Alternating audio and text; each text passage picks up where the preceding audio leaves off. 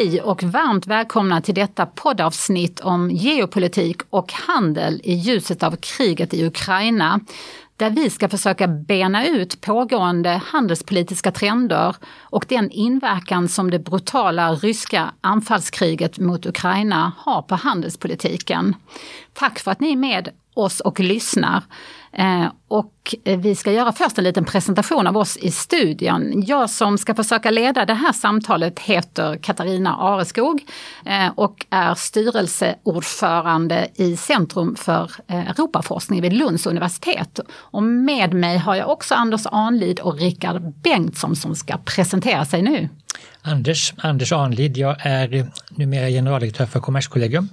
Har dessförinnan bland annat varit Sveriges ambassadör i Finland, EU-ambassadör och eh, jobbat med handelspolitiska frågor i UD på olika sätt sedan faktiskt slutet av 1980-talet. Och jag heter Rickard Bengtsson och jag är docent i statsvetenskap här i Lund sedan 2009. Jag har arbetat tidigare på Malmö universitet och på Utrikespolitiska institutet och varit ämnessakkunnig i regeringskansliet, eh, statsrådsberedningen och utrikesdepartementet under fem års tid, 2012-2016. Och min forskning kan jag nämna eh, handlar framförallt om säkerhets och försvarspolitik och eh, EUs externa relationer. Perfekt, det här blir ett mycket intressant samtal känner jag redan. Eh, och jag ska börja lite grann att skissera lite olika trender eh, som eh, vi ser framför oss just nu eh, och be Rickard och Anders att lite grann analysera vilken, vilken riktning alla de här trenderna eh, får oss att gå emot. Och då är naturligtvis det som vi alla tänker på just nu är det ryska anfallskriget mot, mot Ukraina, sanktionerna mot Ryssland, eh, rekordhöga energipriser och eh, ett Ryssland som naturligtvis isoleras mer och mer från eh, de globala handelsströmmarna. Eh, men vi har också andra trender som påverkar handelsströmmarna, till exempel den gröna omställningen, digitaliseringen, två egentligen samhällsomvälvande eh, skeenden men som också har konsekvenser för handelspolitiken. Vi har konsekvenserna av covid, pandemin som innebar störningar i handelsströmmarna. Eh, vi har ett framväxande Kina eh, som har gått från att vara 5% av global BNP i början av eh, 2000-talet till att idag vara kanske världens största ekonomi eller på god väg att bli det. Eh, och vi har naturligtvis en ekonomisk situation som påverkar oss alla med jättehög inflation och eh, med en, en kommande recession, vad många bedömare säger.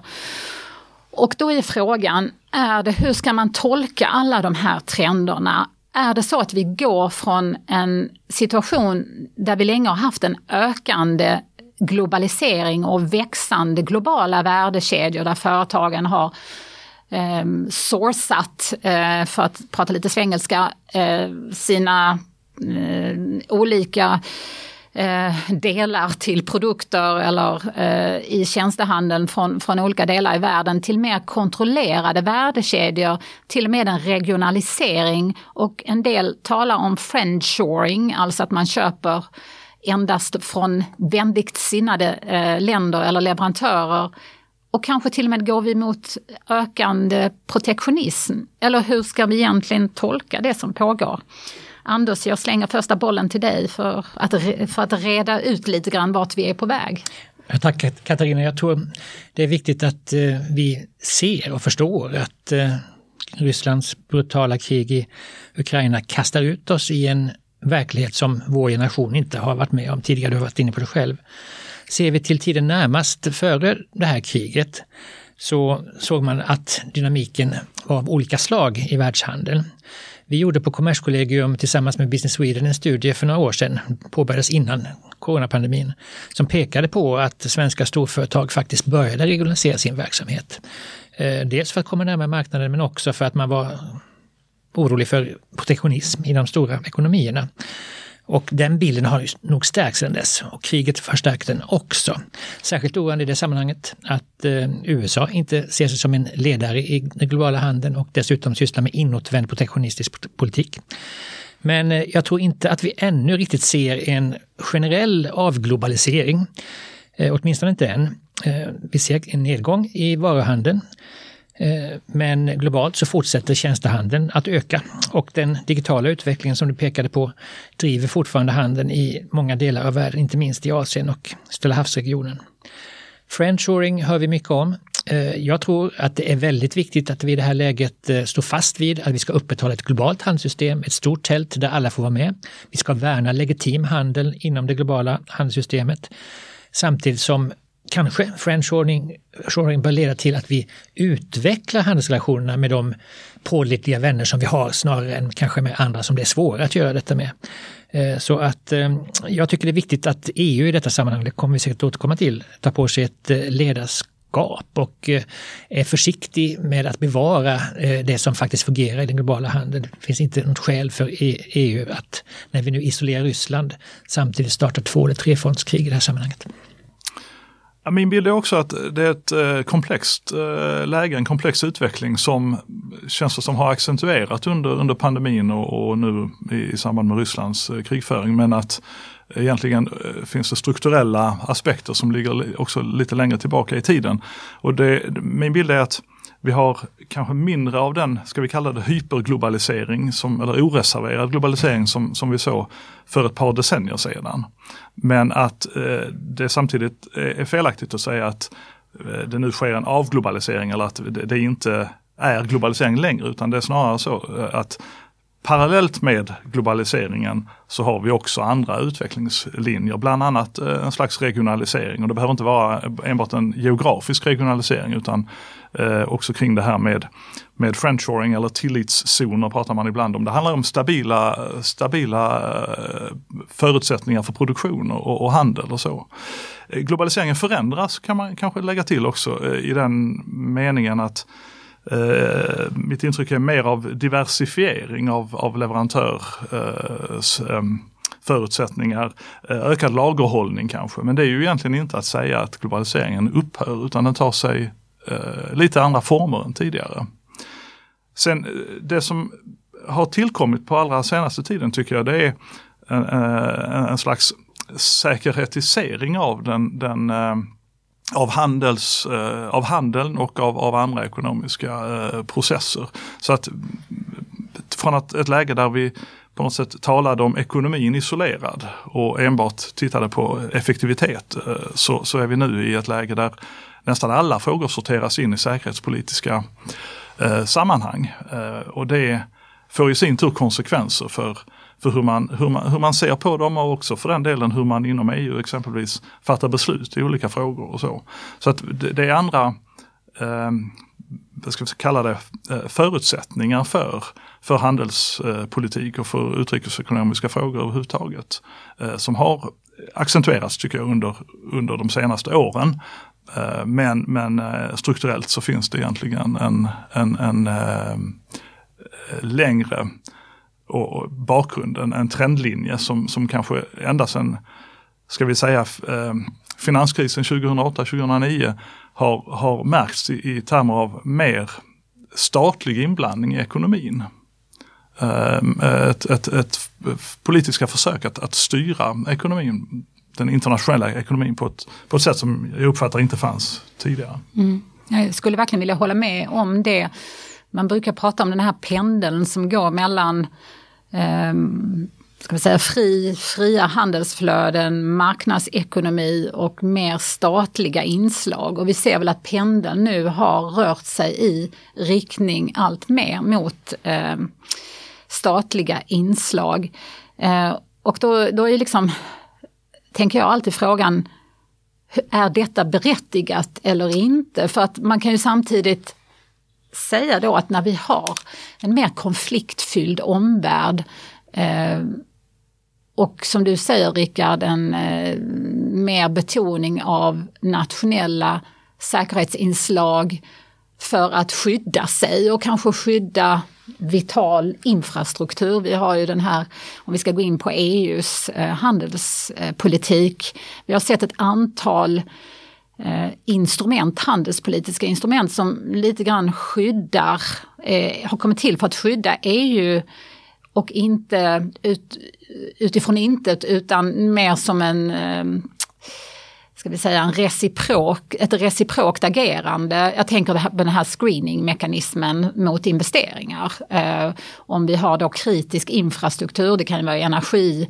eh, infrastruktur eller telekom och så vidare som man, man av nationella eh, säkerhetsskäl behöver skydda.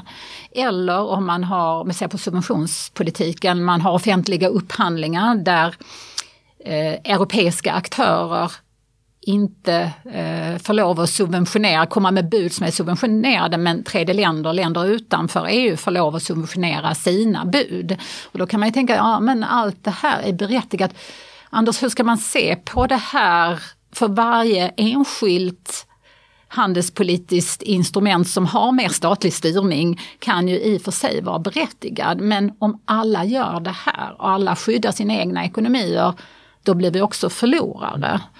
Eh, är, det här, är det här WTO ska komma in och sätta eh, de globala spelreglerna? Och gör WTO det? reglerna finns ju globalt. Huruvida de sen efterlevs är ju en annan sak. Här tror jag det är väldigt viktigt att försöka skilja på, det ser vi själva i vårt eget land, eh, det som är legitim handel och som ska få fortsätta och de genuina säkerhetsintressen som finns och som behöver skyddas. Så där kommer den här investeringsgranskningen in där vi på svensk sida är på väg att etablera det system som ska Eh, se till att vi eh, upprätthåller EUs regler på det här området.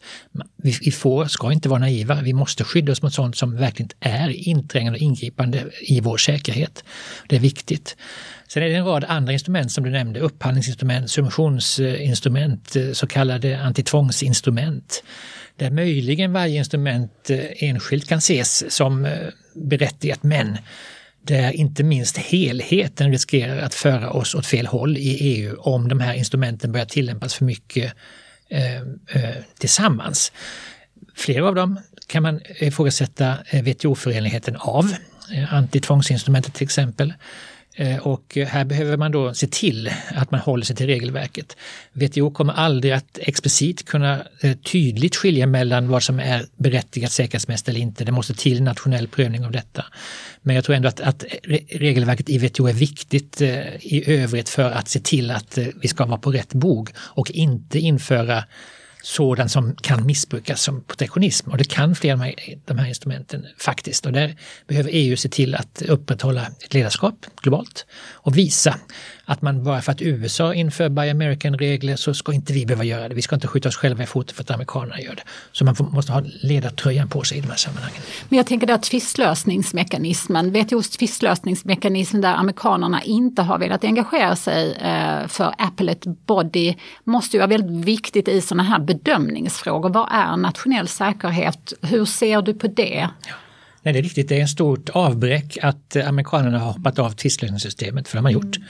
EU har ju tillsammans med andra försökt etablera och har etablerat ett alternativt system mm. som förhoppningsvis ska finnas där under en övergångstid. Vi har sett nu att amerikanerna är beredda igen i WTO att diskutera frågan. Det är en start. Men att så fort som möjligt få med amerikanerna igen i detta avseende eh, blir väldigt viktigt. Här ska vi dock eh, komma ihåg att i USA har avhändade sig av suveränitet till ett organ som WTOs tvistlösningssystem så som man ser det alltid varit ifrågasatt av kongressen och det är ingen lätt sak för den amerikanska regeringen att återföra eh, USA hit utan att ha stöd i kongressen. Mm. Vi ska återkomma tänker jag, till den amerikanska politiken. Men om vi ska fortsätta lite grann med EUs handelspolitik, Rickard. Eh, Ursula von der Leyen, kommissionens ordförande, höll ju ett tal i förra veckan, State of the Union. Eh, och där å ena sidan så betonade hon vikten av frihandelsavtal ingångna, viktigt att få dem ratificerade och också att sluta nya sådana. Å andra sidan så eh, nämnde hon också kan man säga en förlängning av eh, den strategiska autonomin som EU-kommissionen har pratat en hel del om genom etablerandet av en ny European Sovereignty Fund. Hon pratar också om, om industrin, morgondagens industri ska finnas i Europa. Hur, hur ska vi tolka det här talet, Rickard? Ja, det där är en svår fråga tycker jag, därför att hela talet genomsyrades ju av, eh, utöver stöd till Ukraina eh, förstås, i, i, många olika eh, delar, så, så var det också en tematik som handlar om europeiska beroendeförhållanden. Och, och bekymret med att vara beroende, inte bara av rysk, eh, ryska fossila resurser utan överhuvudtaget att, att EU eh, till exempel förhållande till Kina behöver bli mer självständigt vad det gäller eh, en del eh, naturresurser och så. Och då blir det ju ur det perspektivet en fråga om att ta ansvar för, för Europas framtid och inte vara, eh, så som en del kritik har, har gjort gällande tidigare, naiva och lita på enbart marknadsmekanismer och, och, och regelverk och så. I, I ett läge där uppenbarligen andra aktörer inte fullt ut följer dessa regler. Eh, och eh, Samtidigt så är jag lite bekymrad över att eh, om om även EU eh, rör sig i den riktningen, då, då riskerar vi att få någon slags det behöver inte vara ett, ett race to the bottom eh, av typen 1930-talet. Men, men, vi hamnar kollektivt i ett, i ett eh, sämre läge. Med eh, helt enkelt sämre förutsättningar för både, både, för både välfärd och säkerhet. Eh, sen sen eh, tror jag då man, man, ska tänka här att den här European Sovereignty Fund eh, ska ju på något sätt stödja europeisk industri Uh, och det är samtidigt för mig inte klart alltså, formerna för detta uh, och vilka villkor som kommer att finnas med. För att det finns ju någonstans i den diskussionen också en fråga som har att göra med de, om medlemsländernas förhållande till varandra. Uh, så att där är flera, flera delar i det. Så det, det blir en, en, en, viktig diskussion framåt.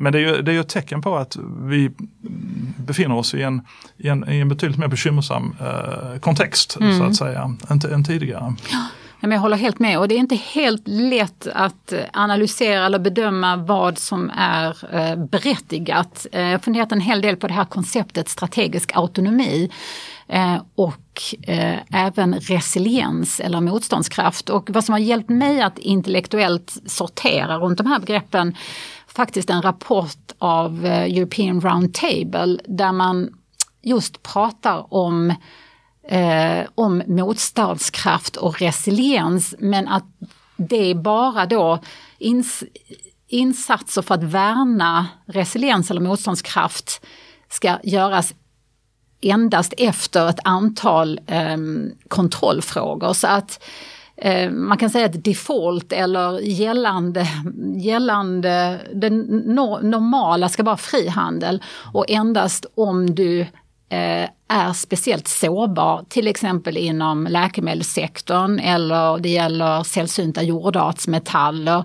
Du har ett antal kontrollfrågor så att du kan säkerställa att du verkligen är i ett beroendeförhållande som riskerar att bli kritiskt för Europas ekonomi. Och det, då kan det berättiga eh, just sådana här eh, European Sovereignty Fund. Så jag tycker det Eh, det hjälper mig att tänka i alla fall att det ska inte vara den omedelbara reaktionen att hela tiden eh, värna olika sektorer utan det ska vara endast om det finns ingen annan utväg.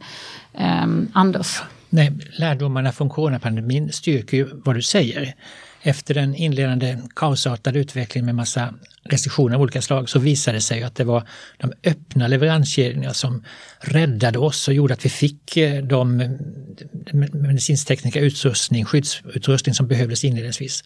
Det var de öppna eh, leveranskedjorna som gjorde att vi lyckades utveckla och få ut vaccinet i hög grad. Och det där måste man ta lärdom av. Samtidigt som du har helt rätt i, tror jag, att det också finns, och det är en lärdom, varor som vi måste till exempel lagerhålla för att förvissa oss om att vi har dem när de behövs. Det är en svår balans, en viktig balans.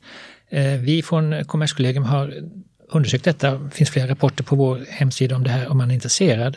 Och i valet mellan strategisk autonomi och eh, strategisk integration som vi gärna talar om så tycker vi att det senare är bättre. Och här är då öppen strategisk autonomi en kompromiss som vi väl för närvarande försöker utveckla i vår mm. Europeiska union och det är viktigt. För visst är det så Anders att ni kom med en studie där ni visade att restriktionerna under pandemin av den inre marknaden inte var så allvarliga eh, som man först trodde. Ja, det är riktigt. Vi hade en studie av detta som visade att sannolikt var flera av de restriktioner som infördes förenliga med regelverket eh, under början av krisen när de, det behövdes av, för att skydda liv och hälsa. Eh, samtidigt så försvann ju de här exportrestriktionerna ganska, ganska snabbt för man insåg att de inte var eh, eh ändamålsenliga. Och man lyckades sen upprätthålla, precis som du säger, värdekedjan på ett sätt som gjorde att vi alla kom bättre fram. Mm. EU är en nyckelspelare naturligtvis i eh, den globala handelspolitiken men det är även USA som vi har pratat om. Eh, och Rickard, jag tänkte fråga dig lite grann om hur du ser på det här för jag har alltid haft det här drömscenariet att EU och USA skulle sluta ett eh, omfattande handelsavtal och försök har ju gjorts, eh, TTIP eh, eh, och andra försök också.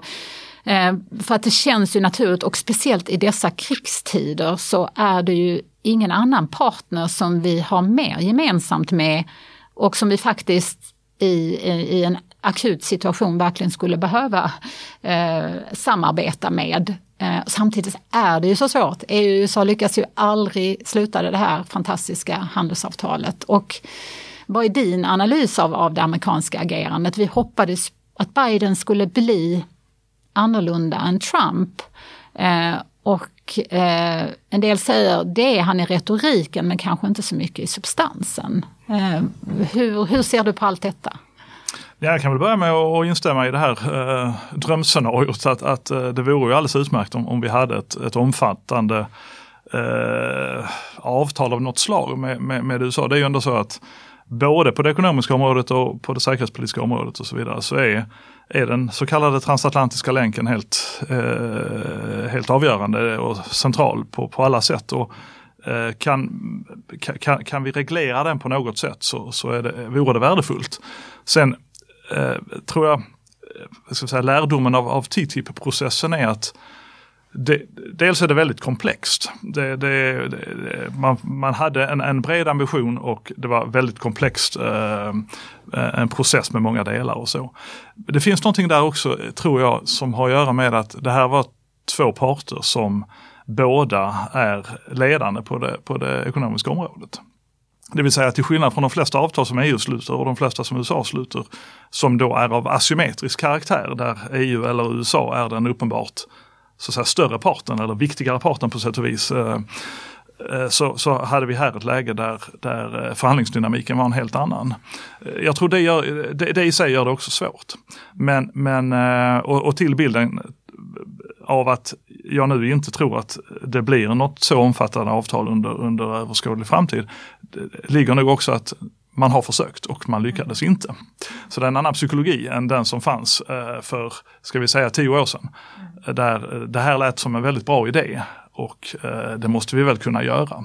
Nu, nu, nu eh, är, är möjligen realismen en, en, en annan, eller vad ska kalla det.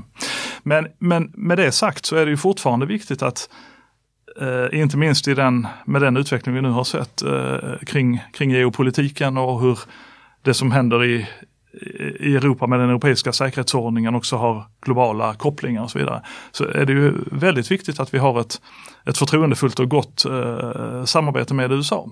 Så att om man på, på, på andra sätt kan bygga förtroende så har det ett egenvärde. Det är jag alldeles övertygad om. Eh, och då, då har vi ju nu sedan ett par år tillbaka den här eh, Trade and Technology Council som, som ju, alltså det är inte ett, det, det är inte ett försök till ett eh, reglerande handelsavtal utan det, det, är snarare som jag ser det ett antal samarbetsforum eh, som, eh, som kanske framförallt har det här eh, förtroendeskapande och långsiktiga Eh, vad ska jag säga, gemensamma arbetet eh, kring viktiga frågor eh, som, som sin eh, ja, viktigaste beståndsdel helt enkelt.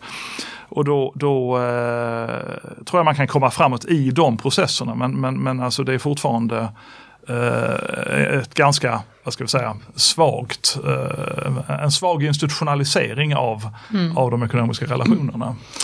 Men kanske kan det bana vägen genom att man etablerar ett förtroende ja. och man tar de små stegens politik och att det kan leda till något större. Och Anders, du har också sagt väldigt klokt att vi behöver ha ett positivt narrativ i eh, Europa om ett transatlantiskt avtal. Eh, du får gärna utveckla. Mm, det gör jag gärna. Som eh, Rickard sa så är det ju tydligt att den säkerhetspolitiska länken har stärkts avsevärt på grund av kriget i Ukraina, inte minst tack vare Sveriges och Finlands NATO-medlemskap.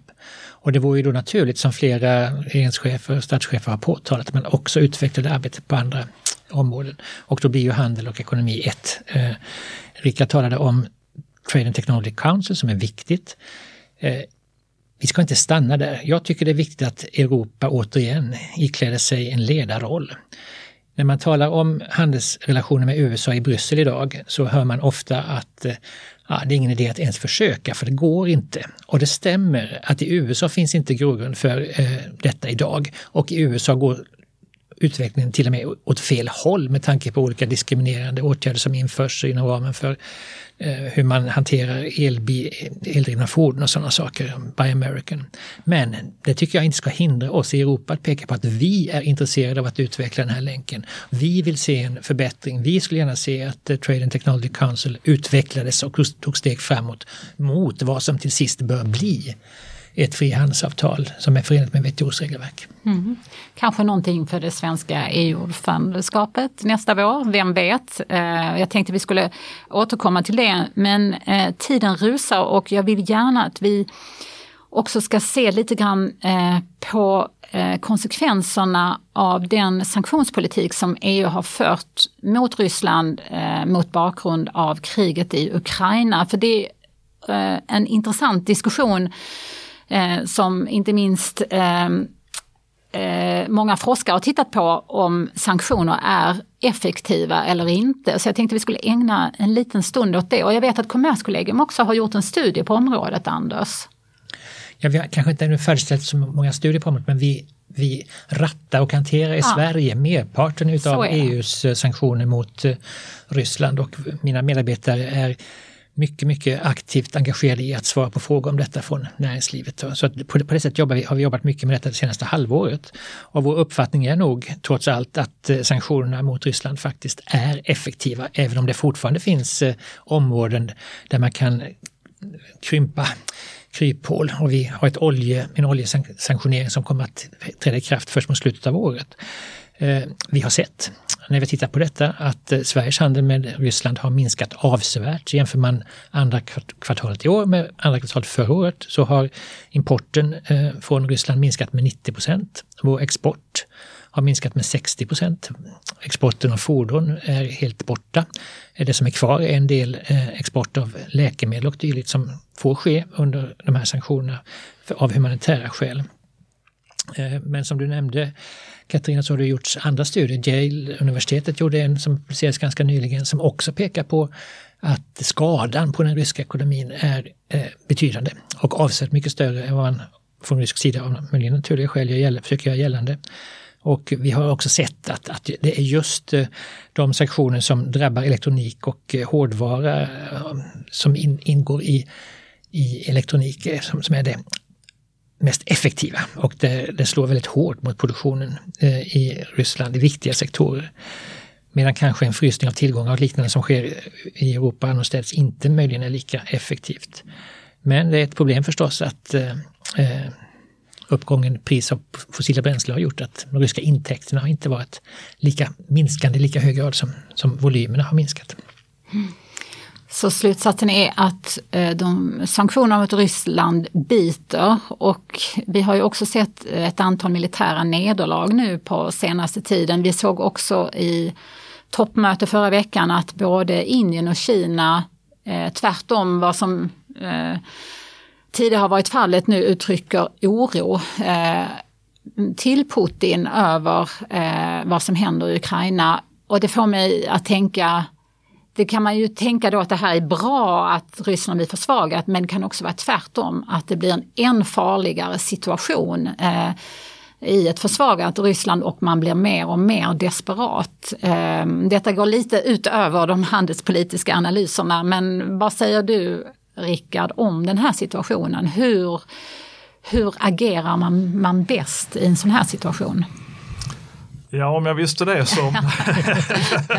Men man kan väl konstatera ändå att om, för jag delar bilden eh, i, som jag får, får till mig så att säga, att, att eh, i en del andra sammanhang så kanske sanktioner inte har varit eh, väldigt effektiva. Det finns en del forskning som, som gör gällande att eh, det, det, är ganska trubbiga instrument och det slår fel ibland och så vidare. Men intrycket här är ju att, att de är effektiva. Att mm. det, det det skadar och begränsar eh, och, ehm, och eh, sätter den, den, den så att säga, ryska ekonomin och, och, för den delen det ryska politiska systemet under, under ett väldigt eh, tryck.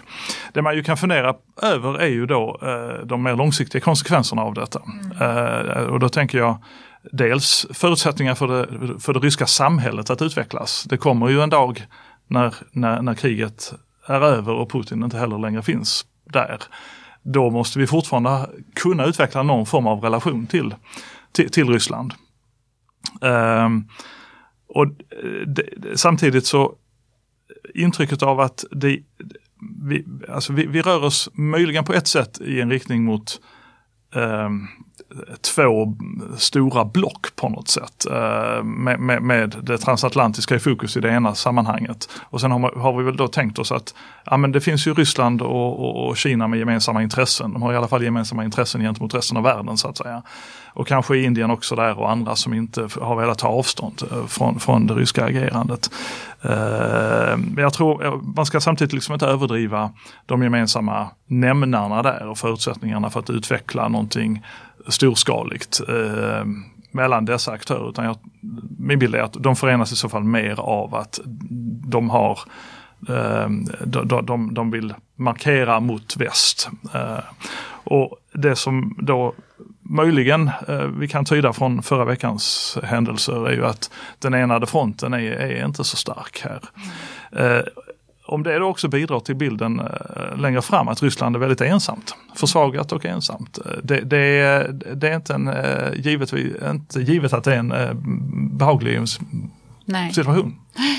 Men det är mycket möjligt att det är en game changer. Som du säger tidigare var det två block. Man hade så att säga väst mot eh, Ryssland, Indien och Kina. Men nu ser vi från förra veckan att den fronten splittras. Och det är klart att Ryssland har ju varit beroende av att kunna dumpa sina produkter eh, på den, bland annat den kinesiska marknaden. Och det kanske inte Kina heller har varit jättelyckliga över eftersom det driver ner priser och annat.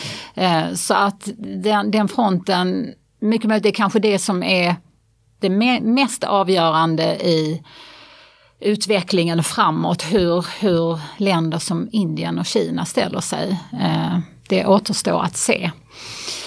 Ehm, jag tänkte att vi också skulle hinna med, som sagt, vi har ju ett svenskt EU-ordförandeskap eh, och det blir i alla fall jag alltid över eh, väldigt exalterad över eh, när eh, äntligen Sverige får i alla fall sitta ordförande för ett antal möten i Bryssel men även i Sverige. Vi ska, jag tror att det är, man räknar med ett 150-tal eh, möten som ska hållas eh, EU-möten som ska hållas på svensk mark också. Så att eh, det här är ju en möjlighet eh, för Sverige.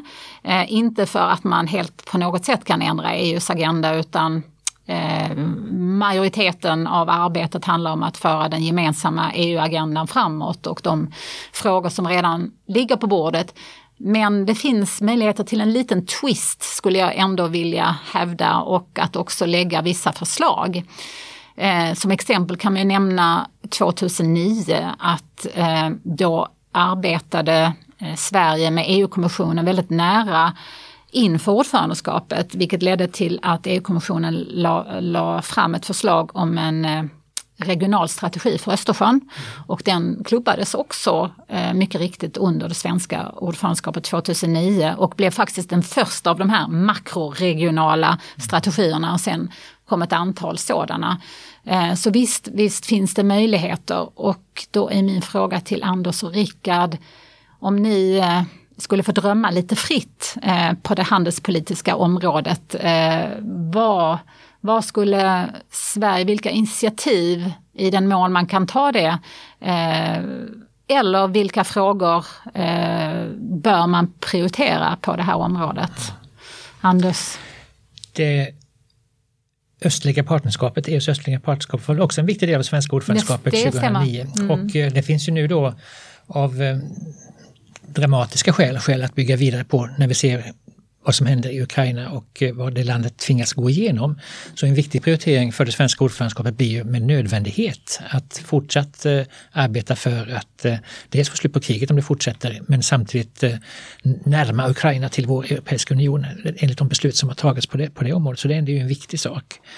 Sen är det också viktigt eh, för ordförandeskapet förstås att hantera lagstiftningsagendan som finns och den ärver man ju i väldigt hög grad som eh, du har påtalat i andra sammanhang Katarina.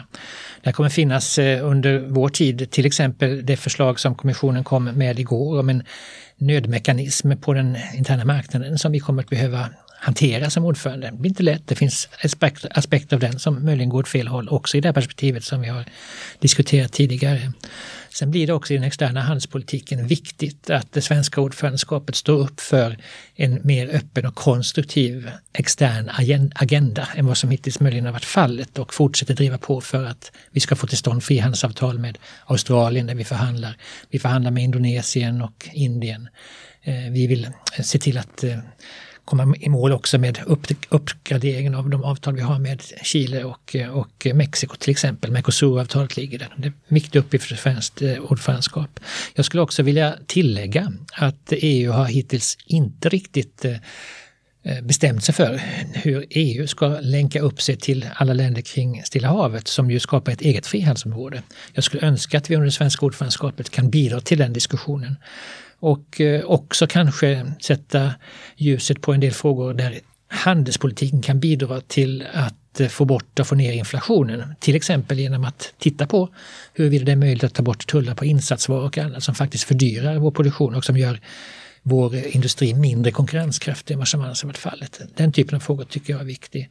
Och samtidigt kommer vi på Kommerskollegium att försöka bidra till att i ökad utsträckning eh, få till stånd en handelspolitik som bygger på empirisk, empiriska fakta och evidens. Så vi kommer att arrangera en konferens på det spåret under ordförandeskapet. Mm. Rickard? Ja, jag, jag tänker i, i, i, ungefär samma banor egentligen. Jag tror den här frågan om frihandelsavtal som är Eh, eh, under förhandling, det är någonting där, där eh, det finns all anledning att, att försöka fortsätta den här vad ska vi kalla det, institutionaliseringen av världshandeln. Det ligger, det ligger i ett europeiskt intresse och, och det är en naturlig svensk prioritering också tycker jag. På det temat kan man möjligen också tänka, det blir lite mer diffust, kanske lite mer långsiktigt, men även den globala handelsregimen, alltså WTO-arrangemanget, behöver reformeras, säger många. Och det, det, är ju ingenting som man åstadkommer på ett halvår förstås, utan det handlar ju mer om att sätta den frågan på, på dagordningen så att den, den kommer upp till diskussion i olika, i olika sammanhang. Och där, där, om vi går tillbaka till vår tidigare diskussion, där kan man säga att eh, där är ju i och för sig då Ryssland också part i, i, i detta, om än inte en, en, en, eh, en, en, positiv aktör i meningen bidrar till, till lösningar. Men, men, men eh, en WTO-reform inbegriper ju också Kina och Indien till exempel. Så att det, här är någonting som EU kommer att behöva syssla med de kommande åren. Och från svensk horisont är det, också som litet eh, handelsberoende land väldigt värdefullt med en fungerande global regim helt enkelt. Eh, men det är som sagt ingenting där man kan efter, i efterhand kanske peka på uppenbara resultat, att det här åstadkom vi under, under ordförandeskapet. Sen med tanke på den senaste utvecklingen och det vi hör om, om krigsutvecklingen i Ukraina så, så blir det ju också nödvändigt att förhålla sig till till, till eh, ska säga, frågan om, om sanktionerna och eventuellt eh, om det skulle vara så att vi kan se framför oss att de kommer att avvecklas. Vi måste ha någon form av, av, av förhållande till Ryssland. Det är inte någonting som enbart ligger på ordförandeskapet. Kanske inte ens primärt ligger på ordförandeskapet. Men, men eh, går vi tillbaka i tiden så kan vi säga att EUs Rysslandspolitik har varit eh, vacklande, kan man beskriva den som kanske. Eh, och, och, och, det har att göra med att Ryssland och en gemensam Rysslandspolitik har varit olika viktigt för olika medlemsländer. Och för länderna runt Östersjön är det alldeles uppenbart någonting som, som måste fungera eh, framåt. Så att, eh, jag tror man kommer behöva förhålla sig till den frågan också. Eh, och sen kanske avslutningsvis, eh, apropå USA som vi var inne på tidigare, att ehm, det är eh, som, som balans till, eh, jag tycker det var många, många bra saker i, i von der Leyens tal, men, men som balans till den eh, inåtriktning som jag nu ändå mm. tycker finns i, i, i diskussionen så, så eh, kan man tänka sig en, en eh, ett, ett påpekande där det är lämpligt så att säga att um, vi, behöver, vi behöver också ha ett fungerande förhållande över Atlanten. Men här tyckte jag blev en väldigt fin liten lista med saker som vi eh, kan göra under våren här. Eh, östliga partnerskapet, eh, driva de olika frihandelsavtalen vidare. Möjlighet att använda handelspolitiken för att få ner eh, inflationen.